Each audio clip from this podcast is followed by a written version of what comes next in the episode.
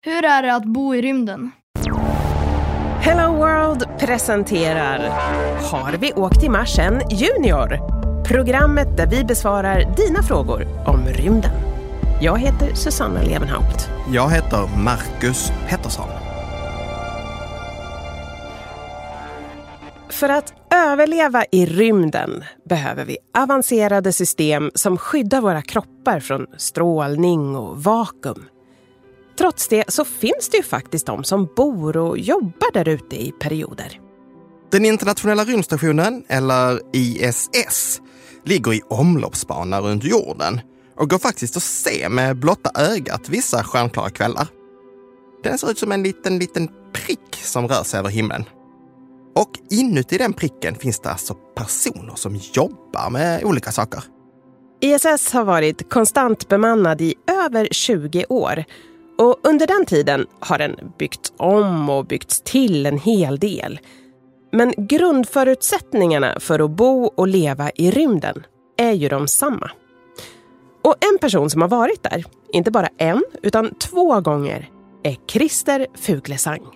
Vi bad Christer ta med oss på en rundtur på hans gamla arbetsplats, den internationella rymdstationen. Ja, alltså ni, ni fattar, vi var inte där, utan ni, ja, ni fattar vad vi menar. Jag gjorde två besök till internationella rymdstationen. 2006, då var ganska precis halvfärdigbyggd. Och 2009, då var den nästan färdigbyggd.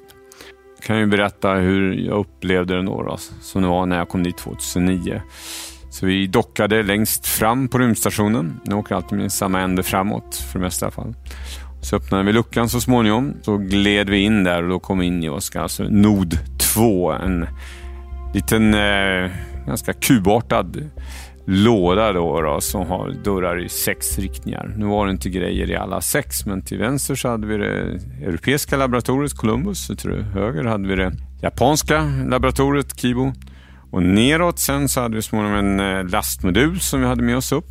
Och sen rakt fram, om man fortsatte eh, från där vi kom in, alltså bakåt i rymdstationen då, då så kom vi in i det eh, amerikanska laboratoriet. Där var det mycket experimentutrustning och, och grejer. Sen kom vi in i följande modul som var Nod 1. Där så till vänster så hade vi luftslussen där jag gjorde, hade gjort rymdpromenader tre gånger innan och eh, skulle göra två till här. Där sov jag några nätter och brukade sova där innanför rymdpromenaderna. Det var det som kopplat till den då. Nu finns det kopplat till den också, det här fantastiska observatoriet kan man nästan kalla det, kupolan. Det var jättefina fönster och utsikter och grejer. Därifrån man styr robotarmen nu för tiden också.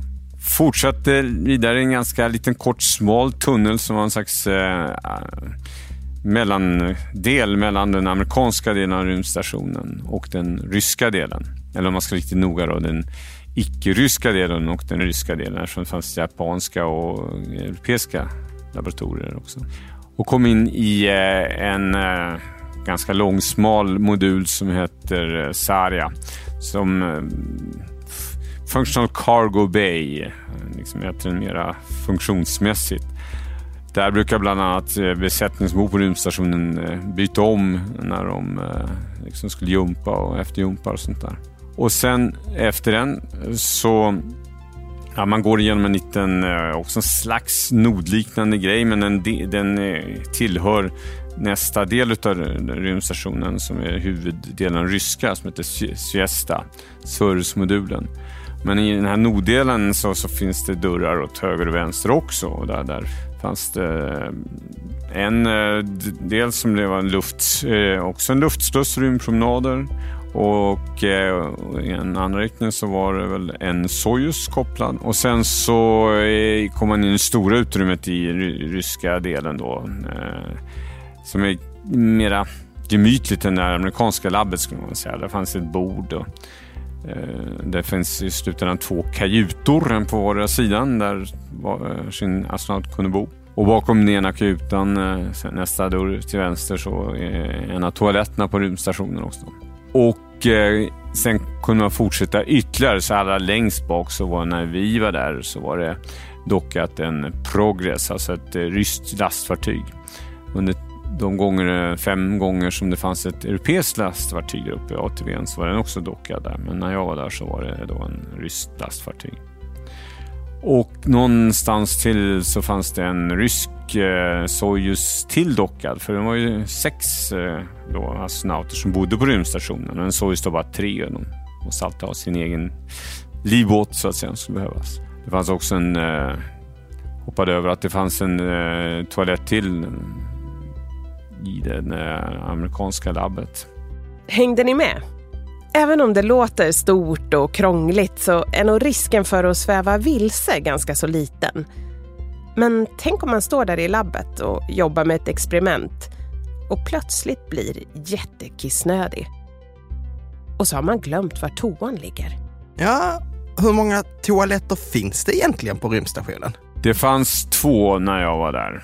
En rysk och en amerikansk. Och sen hade vi i och för sig en toalett på rymdfärjan också. Då var det lite knepigt därför att eh, den, den uh, rymdfärjans toalett där startade fläkten automatiskt när de skulle kissa och suga ner det hela. Men det gjorde den inte på den uh, rymdstationens toalett. Så... Ja, det var lätt att missa. Ja, det höll på att gå illa men jag, jag fick på den i tid i alla fall.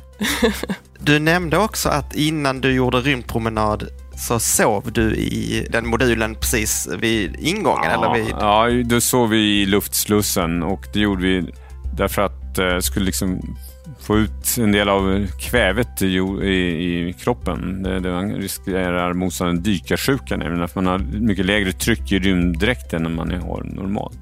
Men annars så har man en en sovplats. Man hänger inte bara upp sig lite här och var. Utan man har de som ingår i rymdstationens besättning där, de har alla sin lilla kabin.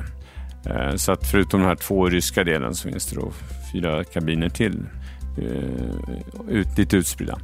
Men vi som var på besök, eh, rymdfärjan har inga egna sovkabiner utan där fick man bara hänga upp den någonstans. Det var lite trångt att sova sju i samma utrymme på rymdfärjan så att jag tog mina grejer och slog läger kan man säga i det europeiska laboratoriet Columbus. Där finns det inga sovkabiner så att säga så att jag bara tog beslag på en bit av golvet där, om man nu kan kalla det golvet.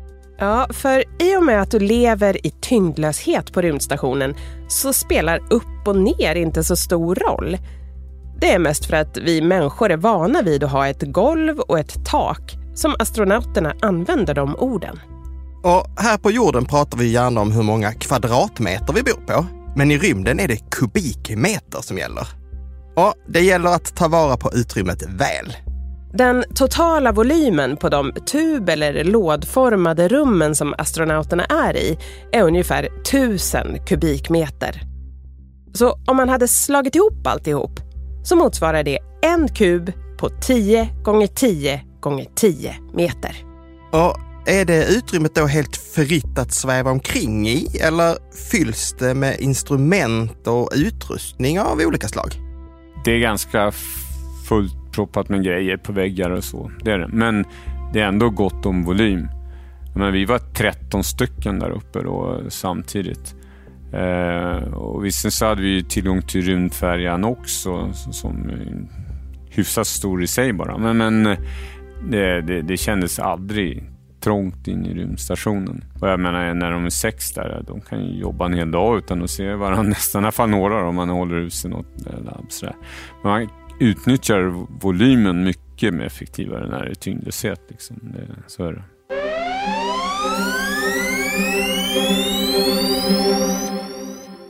I rymden har du alltså lite annorlunda förutsättningar än här nere på jorden. Du kan inte bara öppna fönstret för att vädra och bara en sån sak som att gå på toaletten blir mycket mer komplicerad. För att inte tala om att laga mat och duscha. Och det beror ju dels på att du befinner dig i tyngdlöshet som gör att allt svävar omkring istället för att dras mot golvet. Och så finns ju ingen luft där ute. Så vi måste hålla oss innanför de väggar där vi är skyddade och kan andas. Själva livsstilen skulle man väl kunna beskriva som compact living. Man tar vara på varenda liten skrymsle så effektivt som möjligt och ser till att återanvända så mycket som det bara går. Till exempel återvinner man typ 90 procent av all vätska. Till och med kisset renas och blir till dricksvatten igen. Det gäller nog att vara rätt bra på att hålla ordning där uppe. Tänk om någon skulle slänga sina smutsiga strumpor omkring sig. Eller tugga med öppen mun så det svävar omkring smulor runt i hela rymdskeppet. Vilken mardröm. Mm, alltså man hade nog inte blivit den mest populära astronauten om det blev så. Men jag gissar att Christer skötte sig rätt så bra eftersom han fick komma tillbaka. Ja, och om du vill veta mer om hur det är att leva och bo i rymden, gå in på helloworld.se och så klickar du dig vidare till den här podden. Där hittar du en längre intervju med Christer Fuglesang och en massa annan häftig info om rymden. Jag heter Susanna Levenhaupt. Jag heter Marcus Pettersson. Har vi åkt till Marsen Junior produceras för Hello World i samarbete med Teknikföretagen.